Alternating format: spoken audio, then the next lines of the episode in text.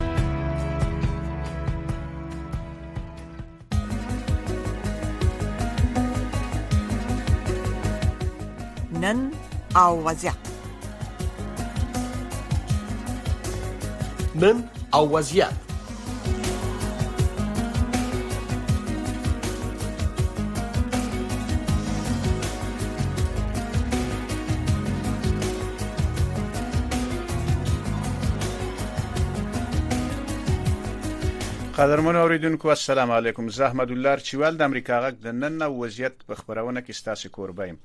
په نننۍ خبرونه کې موږ په پا پاکستان کې د دغه هیواد د پخوانی لومړي وزیر عمران خان د نیول کېدو لامل د رامنځته شوی اړو دوړ او د پاکستان پر حالاتو د دغه اړو دوړ د اغیزو په اړه خبرې کوو په دې خبرونه کې راسره آزاد خبريال ایماد یوسفزی مېلمه دی لومړی خبرونه اورو او به ایماد یوسفزی سره خبرو ته دوام ورکو سلام شنوندگان عزیز اخبار این ساعت رادیوی آشنای صدای امریکا را به توجه میرسانم کارشناسان شورای حقوق بشر ملل متحد نگرانی عمیق خود را در مورد تصویب اخیر استر محکمه طالبان در مورد مجازات فیزیکی از جمله سنگسار و زیر دیوار کردن متهمان ابراز کردند. گروهی از کارشناسان شورای حقوق بشر ملل متحد روز پنجشنبه 11 می این گونه مجازات ها را غیر انسانی و ظالمانه خواند و گفت که سنگسار مردم یا دفن آنها در زیر دیوار یا هر مجازات ظالمانه دیگری چون رفتار غیر انسانی یا تغییرآمیز و منزله شکنجه است این کارشناسان گفتند این مجازات های ظالمانه با قوانین بین‌المللی در تضاد است ستره محکمه طالبان به تاریخ چهارم می اعلام کرد که 175 نفر را به قصاص و 35 نفر دیگر را به سنگسار محکوم کرده است. عبدالمالک حقانی معاون اداری این محکمه گفت که چهار نفر بدکاران محکوم شدند که زیر دیوار شوند و 103 تن نیز به اعمال حدود شرعی محکوم شدند اما تاریخ تطبیق این مجازات را روشن نساخت به نقل از رادیوی آزادی دو عضو کمیته روابط خارجی مجلس سنای امریکا یک بار دیگر لایحه را برای تصویب پیشنهاد کردند که خواهان علنی شدن اسناد وابسته به وضعیت امنیتی در افغانستان است این اسناد در آستانه خروج نیروهای امریکایی از افغانستان توسط نظامیان امریکایی به وزارت خارجه ایالات متحده فرستاده شده بود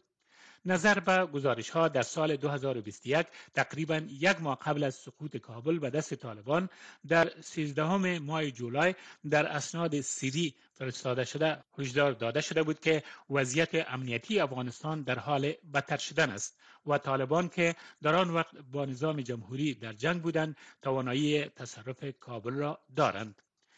در این لایحه از وزارت خارجه امریکا تقاضا می شود که یک نسخه محرم این اسناد به کانگرس داده شود و معلومات در مورد اشخاصی که این اسناد را فرستادند حذف شود. اداره رئیس جمهور بایدن یک و نیم سال بعد از خروج با هرج و مرج قوای امریکایی از افغانستان هنوز هم نمی خواهد که کاپی این اسناد را به کانگرس ارائه بدهد. اخبار منطقه و جهان را از رادیوی آشنای صدای امریکا میشنوید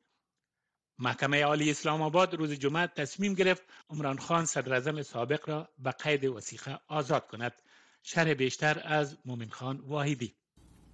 عمران خان روز سهشنبه به اتهام فساد بازداشت شد ستر محکمه پاکستان روز گذشته بازداشت وی را غیر قانونی اعلام کرد دستگیری او باعث اعتراضات خونین در پاکستان شد عمران خان روز جمعه تحت تدابیر شدید امنیتی در محکمه عالی اسلام آباد حاضر شد و محکمه تصمیم گرفت او را با قید وسیقه آزاد کند. خواجه آرس وکیل عمران خان بعدا به خبرنگاران گفت محکمه برای عمران خان قرار وسیقه معقد دو هفته ای صادر کرد و به مقامات حکم داد که دیگر او را در این دوسیه یعنی فساد دستگیر نکنند. قانونگذاران حزب تحریک انصاف پاکستان به رهبری عمران خان روز جمعه در مقابل ساختمان دادگاه تجمع کردند و شعار خان فدایان شما بشمارند و وکلا زنده اند را سر دادند. حامیان عمران خان تظاهرات را در سرتاسر سر پاکستان علیه دستگیری وی آغاز کردند.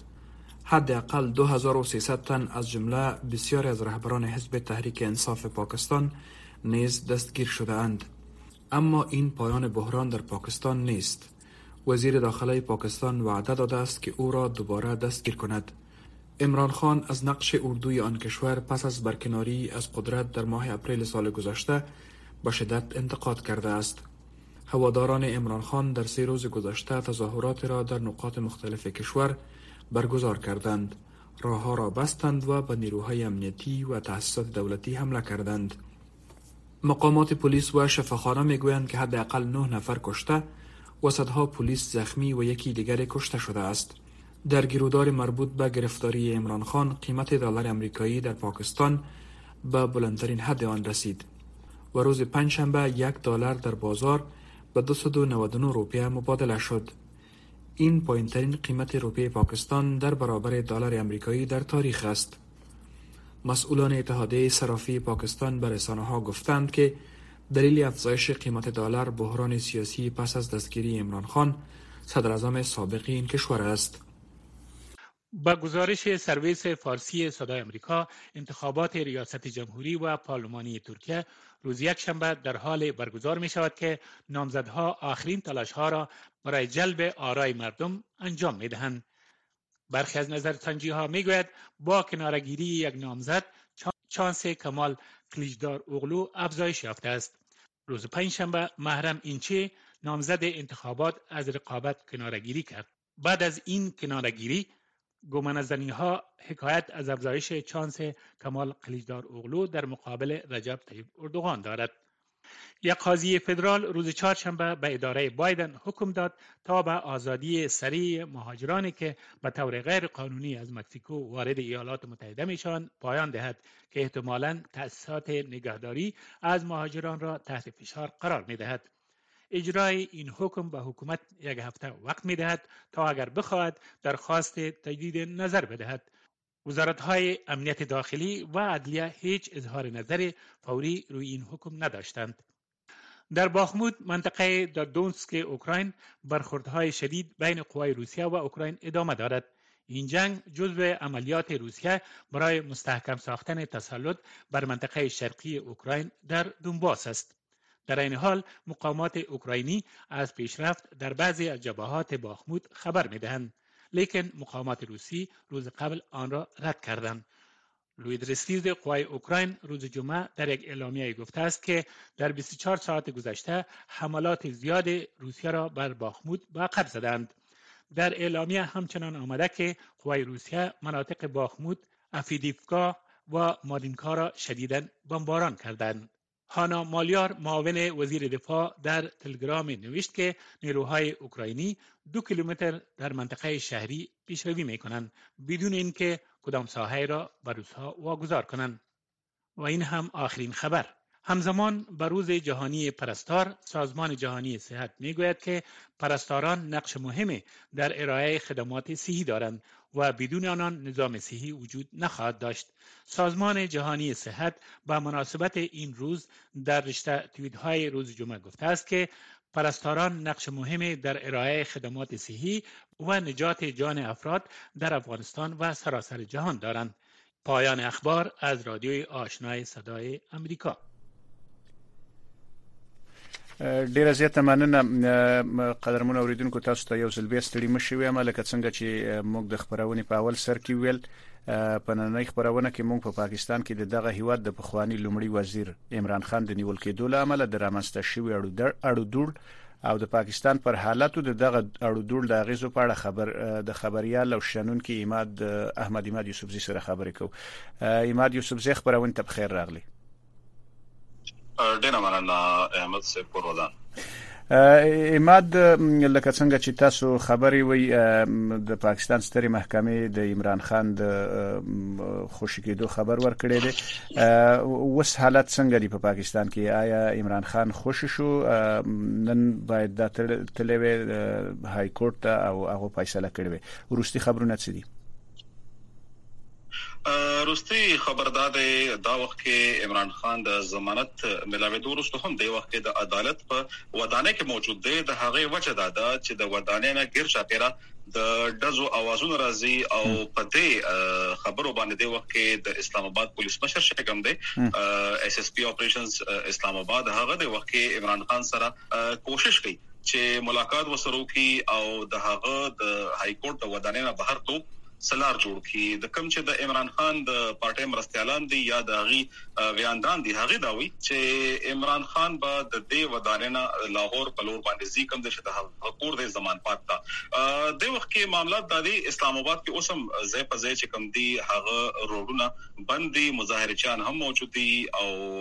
خلکو ته تګ راتګ کې هم لویې ستونزې دي، خو کوم چې وروستی خبر دی هغه دا دی چې عمران خان تر دې دمه د های کورټ ودانۍ کې موجود دی. ښه نو های کورټ خو هغه محکمه ده چې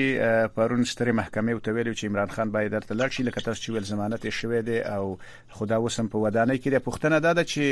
دغه ډزې چې تاسو ویل چې د ودانۍ ګیر چاپیره روانې دي، څه فکر کوئ دغه ډزې د عمران خان پلویان کوي او که د ده مخالفین دغه ډزې کوي؟ دا یو ډیر غټ سوالیه نشان دی وخت کې ځکه چې د اسلام آباد های کورټ وداني چې کوم ځای دا احمد صاحب هغه داسې خوشکه علاقه نه ده هغه بالکل د اسلام آباد په زړه کې موجود یو وداني ده نو ډیر یو عجيبه غوند کې صورتحال دی چې د وخت کې د ودانۍ نه بهر چې هغه ځکه د وخت د پولیسم ډیر غټه نفری موجود ده عسکر نو څنګه کې دې شي دا ډزې روانې دي او په دې باندې نه صرف د عمران خان د پارټي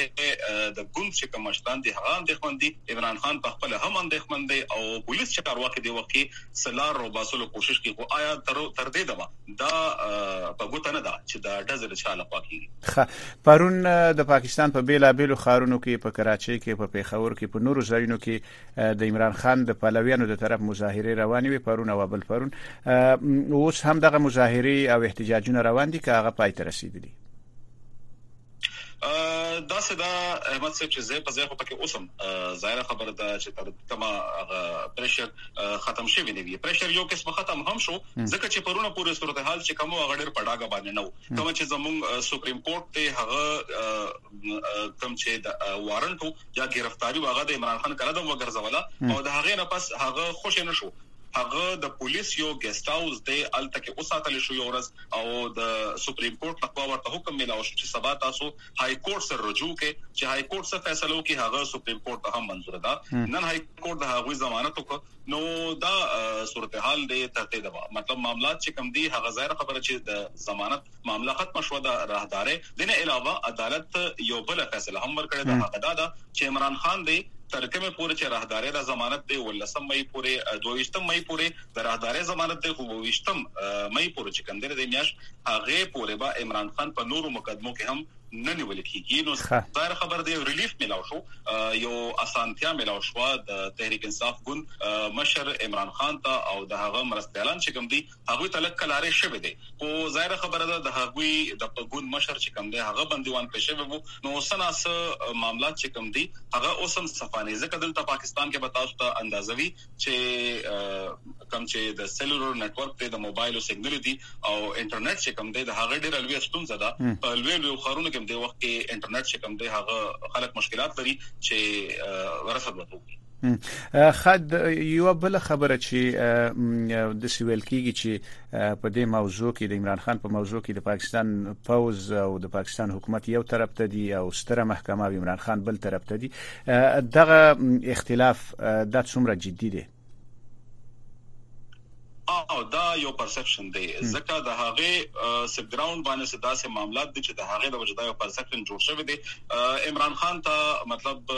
یو کیس نه بل کیس کې د سپریم کورټ لخوا او نورو عدالتونو لخوا وخت په وخت باندې اسانتیاګانې ورکړې شوې دي که هغه ضمانت په صورت کې وي که هغه هغه چې کله حکومت کې نم ونو ساده قومین والا مستوا هغه یو ډیر لوی معاملې ده نو عدالتونو باندې لږ سوالیه نه خراغله دا اوس د فوز حواله سره تاسو کوم خبر وکړه نو فوز چې کله عمران خان حکومت ته هغه وخت په چې عمران خان سپورټي جنرال باجوا او یا جنرال فیض حمید او کوم چې استخباراتو زموږ مشر د پاکستان نو هغه باندې دا غوته پورته کړي چې هغه د عمران خان په شابه نه ولاړ دي هغه دغه دوا چې کوم دي د حکومت په اخر کې د عمران خان او د جنرال باجوا اړیکې چې کوم دي هغه اغیزمن شوي هغه صرف دا نه وه چې د دروازو شا ته راسره کېده چې اغېزمنېده، بلکې په ډاګه هم ښکارېده، ځکه چې بيانونو يوه مسلسل داسې سلسله روانه وه، د عمران خان له خوا ډېر ستغ ستغ بيانونه ورکړل شو، د عسکرو چې کوم مشر دی د جنرال باجوه په لوري باندې د هغې د وجې معاملات چې کوم دي هغه نور هم څرګند شو، د هغې نه پس ظاهره خبره ده د فوځ يو خپل طريقه کار دی، کمانډ چېنج شو، چې کمانډ چېنج شو نو دا يو فطري عمل دی چې څه نا څه بدلون په هر معاملاتو کې راځي نو اوس چې دا مهال کوم د فوز مشر دی حافظ زموږ چې کوم دی منیر عاصم صاحب هغه د وخت کې بیخي بیاناتو باندې زور نه ورکړي هغه یو بیانیه ورکړه وي او سور زمکه پالیسی سټیټمنټ چې نه نیا پاکستان مطلب نه نوې پاکستان نه زور پاکستان بلکې زمون پاکستان نو دا یو بیانیه چې کوم وا دیتا په ډیرو حلقو کې د ژوند بیلابلو څنګه سره تعلق لرونکو هرکلی ورته ویلی و چې پوځ سیاست نه یو طرف ته شي او مطلب د یو ګوند هم چې کوم دی ملاتړ نه کوي نو دا به یو ښه عمل وي خو د هغه عمل دا دی ظاهره خبره دا ده چې عمران خان ته په یو وخت کې یو ځای نه سپورټ ملاویدو اوس ورته هغه ملاتړ بند شو نو د هغه به فطري ریاکشن راته یو طرف ته عمران خان نه حکومت لاړ او بل طرف ته ته معاملات د شو مختلف کیسونو کې په هغه باندې کم شکنجه چې کومه د حکومت تقوا هغه څنګه کړی شو نو دا غوسه چې کومه ده د هغه یو یو تندو تیز بیان نه چکم دي ستغ بیان نه چکم دي هغه ظاهر خبر دی یو فطري عمل دی خو دا خو صحیح ده خو که تاسو دغه مظاهرو ته وګورئ په دې مظاهرو کې د پاکستان په پا پوځي ودانیو باندې مثلا په د قول اردو په قوماندان په کور باندې په لاهور کې حمله وشوله په پیښور کې په رادیو تلویزیون باندې حمله وشوله په نور ځایونو کې د پوځیانو مجسمه ونړول شو او هغه دیو چې کومې نارې والي دغه مظاهرین هغه د پاکستان د پوز پر خلاف وي چې د پاکستان په تاریخ کې اول ځل د پاره دغه شان کار کیږي څه فکر کوي چې د پاکستان حکومت یا د حکومت نه خو د پاکستان استبلیشمنت دا به وکول شي چې د ولس او د پوز په منځ کې چې دغه د دغه خاص کر د عمران خان د ګوند په منځ کې چې را پیدا شوی کومه خلاده دا به ډکه کی دا مشکل به حل شي د هغه یو اوس کته خو لړن تاریخ دی لړن تاریخ دا چې عمران خان مسلسل د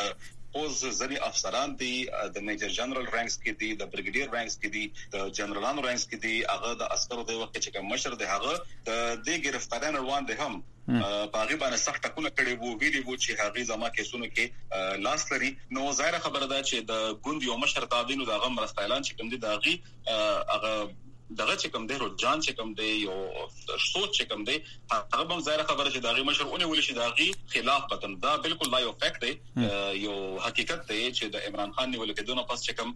ریاکشن شو کوم چې غبرګون شو هغه یو ډیر سرپرایزینګ هم وو ځکه دا نه د دې اندازانه لګیدا چې د عمل په تومره په غټه سطح باندې غبرګون راځي چې د کور کمانډر په کور باندې حمله چې کومه ده دا ظاهر خبر دی او ډیر غټ سټپ دی او ظاهر خبر ده هغه طرف نه هم لګ د استقامت کار غشتل شوی دی سخته دغه نه شوی دا غي د وجه معاملات لګ ساړه دي غني د ډیر لوی ځاني زیان اندېښنې وي خه نو د پاوز تاسو د پاوز د خبرګون خبره وکړه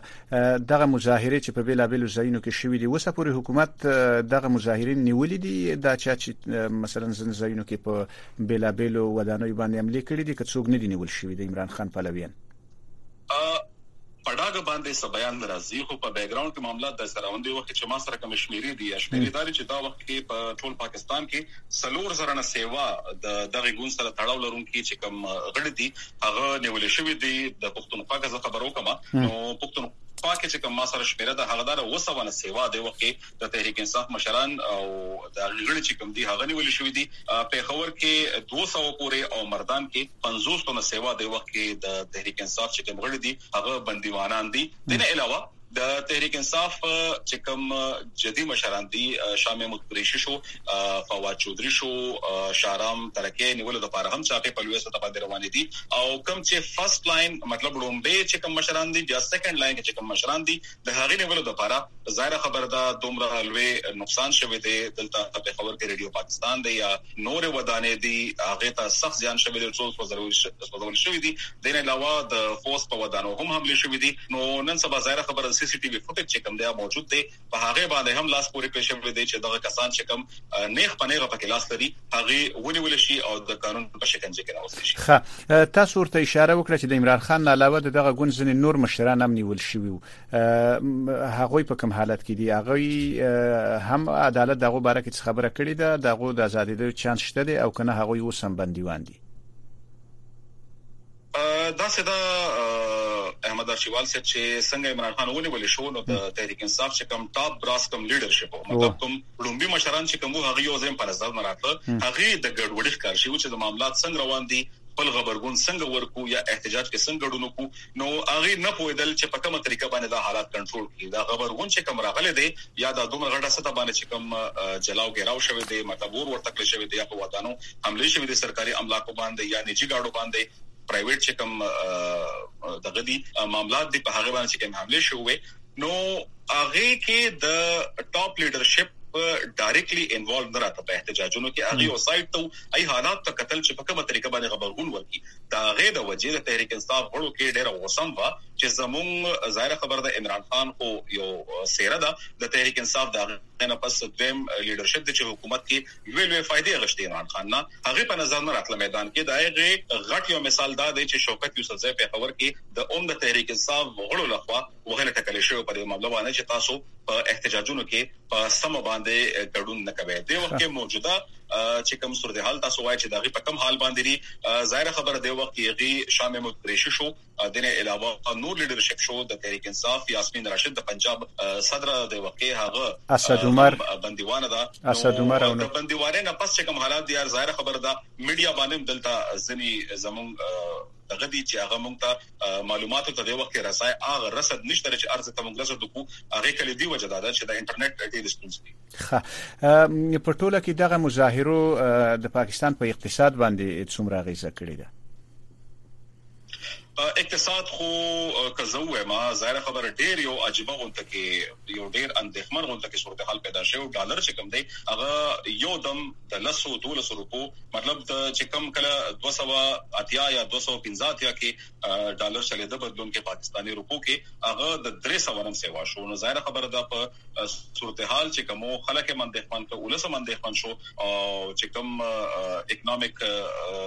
شنونکي دي هغوی هم ډېر اندېښمن شول چې دا صورتحال به څنګه وي خو د عدالت د فیصلې نه پس نن چېرې اسلام اباد های کورټ لخوا کومه فیصله وشوله ضمانت ورکولو راهدارۍ ضمانت وشو نو لږ معمولي حالات واپس خپل ځای ته راتګ شروع شو دوولس روپۍ ما سره چې کوم د وخت معلومات دي او دوه ګنټې مخکې چې ما سره کوم معلومات راغلي د خبریالانو له خوا یا نورو ذرایعو نه هغه د دې چې 12 روپۍ ډالر واپس رالوېدل دي او د وخت کې ټریډینګ چې کوم دی هغه 290 او 280 کې روان دي نو ظاهر خبره ډالر چې کوم دی هغه یو فیکټر دی نو چې ډالر باندې دومره اثر په وته نو د پاکستان ظاهر خبره د امپورټ ډیر کوي یا نور معاملات د وخت چې کوم معاملات امپورټ په پروسس کې دي نو يو ډير هيجاني غونډه کې کيفيت وو خلک ډير د ګډوډي ښکارو خو اوس معاملات لږ پر ورو واپس روان شوي اوورال کې اقتصادي صورتحال تاسو وايي نو د آی ايم ايف چې کوم يو ارب ډالر نه سيوا پيسې کومې را روانې وي د هغې نه پس لږ کلارې کتل شوی وو مارکيټ کې چې کېدای شي ډالر واپس پر ورو خپل ځای ته راتګ شروع کړي ځکه چې آی ایم ایف پروګرام راغی نو د پاکستان نور ملګري هیوادونه چې کوم دي هغه دا ویلو چې آی ایم ایف پروګرام تاسو اول تسلیم کړي د هغې نه پس به هغوی له خوا سره مرسته کیږي نو خلکو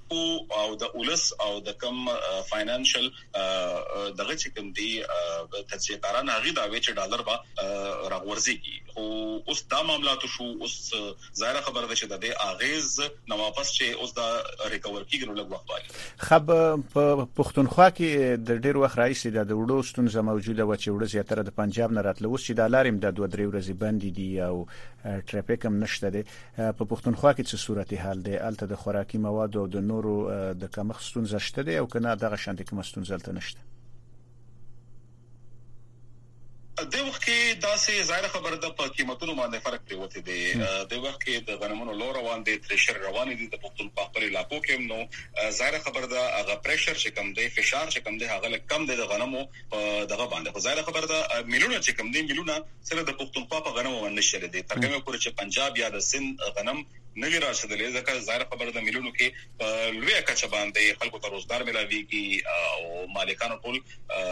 سترګې چې کوم غم د غنمو ته چې پنجاب یا سند غنم راشي او دلته کې ته هغه اورو جوړ کې او مارکیټ کې هغه تقسیم شي یا د پنجاب نه چې کوم اورو په ټرکونو کې راځي نو هغه د وجې د پښتونخوا کې د خوراکي توکو چې کوم دی لګ ډیر صورتحال سټیبلی نو یو طرف ته روډونه بندو کړهونه بند نه مو د عمران خان د معاملې اوس حالا د هغه نمک کې هم د پنجاب لخوا پښتونخوا ته اورو راوړو باندې بندیز وو دا سویل کېدل چې ډیر مالونه چې کوم دی هغه پنجاب کې بند دي د پاینه پریزي نو دلته زور لیدل کېده په بوره کې 200 300 روپے پاکستاني چې کوم د فرق راغلی وو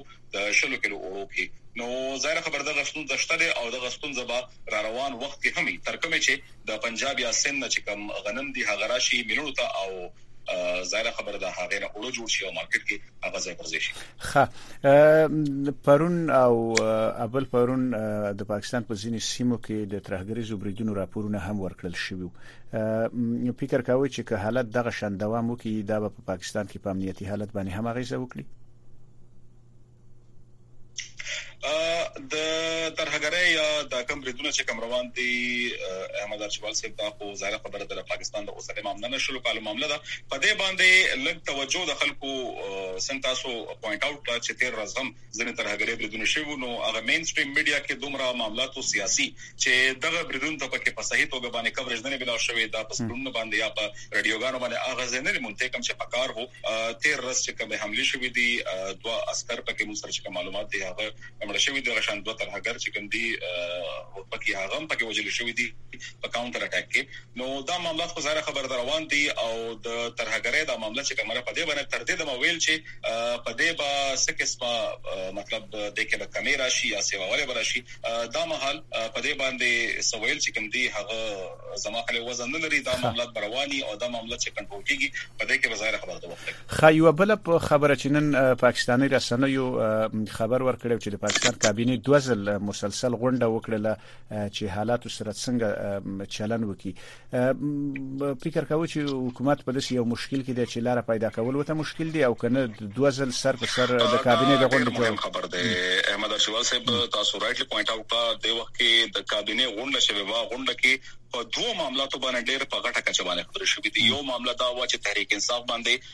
دا ګوند چې کوم دی په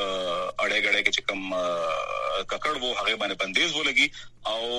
دویم چې کوم د ټولو غټه مسله وه هغه دا و چې ملک کې ایمرجنسي ولګي کوم سرچینه چې دا وایي سرچینو دا خبر راته چې د ایمرجنسي لګولو او په تحریک انصاف باندې بندیز لګولو باندې خبره اترې شوې دي خو بیا سرچینو دا هم ویل دي چې ځنې ګوندونو په خاصه توګه باندې د پیپلز پارټي چې کوم مشران وو هغه د دې مخالفت کړي چې سیاسي پارټو باندې بندیز یا د ایمرجنسي ملاتړ په دې حالاتو کې نشو کولای او ظاهر خبر دا حکومت سره یو آپشن شته که حالات ډیر د قابو نه وځي یا لاس نه وځي نو ایمرجنسي زیبرځې کړی او معاملات ټول چې کوم دی هغه هغه ادارو ته وسپاري کوم چې د امني امنیت ځای پر ځای کولو ذمہ وار دي خه د ایمرجنسي څه معنی ایماد یوسفزی کلګ وضاحت وکړي ځکه چې یو خو پوزي حکومت دی کله چې ایمرجنسي یادوي تاسو مقصد دا دی چې الته ملکی حکومت به می خو امنیت به د پوجینو په لاس کې دغه مقصد دی غږ وره احمد الله صاحب زما خیال د انټرنیټ سستون زرا لاغه د وجه غږ مې ونه رسېد پښتنه دا د تاسو ایمرجنسي یاد کړه کې ایمرجنسي لګيږي نو د دې معنی دا ده چې ملکی حکومت به یې خو امنیت به د نظامیانو یا د فوجیانو په لاس کې ام دغه تاسو موخه ده هم دا څه دا کوم چې پیراملټری فورسز دی یا د حکومت په لاس کې چې کم هم دا سه اداري کوم چې امنیت ځای پر ځای کول ذمہوار دي نو حکومت سره بیا دا دغه راشي دا توان راشي چې هغه معاملات چې کم دی هغه په خپل طریقه باندې وګوري او ډیر چې کم کانسټیټیوشن آئین چې کم حقوق ورکي هغه هم د دغه مهال باندې ضبط شي نو ادارو ته کوم چې د امنیت ذمہ وار دي هغه ته کلاو لاس ملو شي چې ټول معاملات خپل لاس کې واخلي او امنیت ځای پر ځای کی نو زه خبره ایمرجنسي کې لګي نو صرف نه دا چې معاملات بلګ په ډیر اچوتوي کنه زورور طریقه باندې امنیتي ادارې او میدان ته راځي او امنیت به کنټرول کوي او دین علاوه د سیاسي ګوندونو چې کم هلې ځلې دي په هغه به هم تر څه حد پورې بندیز ولګي نو د ایمرجنسي یو آپشن حکومت سره په لاس کې شته که هغه غواړي نو ایمرجنسي لګولی شي خو دې وخت کې چې کوم معاملات دي هغه دا چې د ایمرجنسي مخالفت شوی دی حکومت ته را سلا ورکړی شوی د کابینې په غونډه کې چې د ایمرجنسي نه لاس په سر باندې شي او معاملات که چرته ډیر د لاس نه وځي نو بیا دا یو آپشن شته حکومت خپل اختیار استعمالوي خه ډیره مننه ایماد که په لس ثانیو کې راته وی چې که تاسو د پاکستان موجوده اقتصادي او سیاسي حالت ته وګورئ حالت کمی خو روان دي حالاتو باره کې د وخت سنګ چې احمد صاحب تاسو خبر یې د سترې عدالتي محکمې لخوا ویل شوی چې پاکستان پاکستان کې خونه خو خیبر پختونخوا او پنجاب کې د الیکشن وشي ټاکنو معاملې باندې ټول معاملات روان وو چې ټاکنې د وشي په پنجاب کې او پختونخوا کې خو تر دې دمه هیڅ قسمه آثار په نظر نه راځي چې په دې دوه صوبو کې به ډیره سیاته مننه ټاکنې وشي او ځای حکومتونه چې کوم دي د صوبایي کچ باندې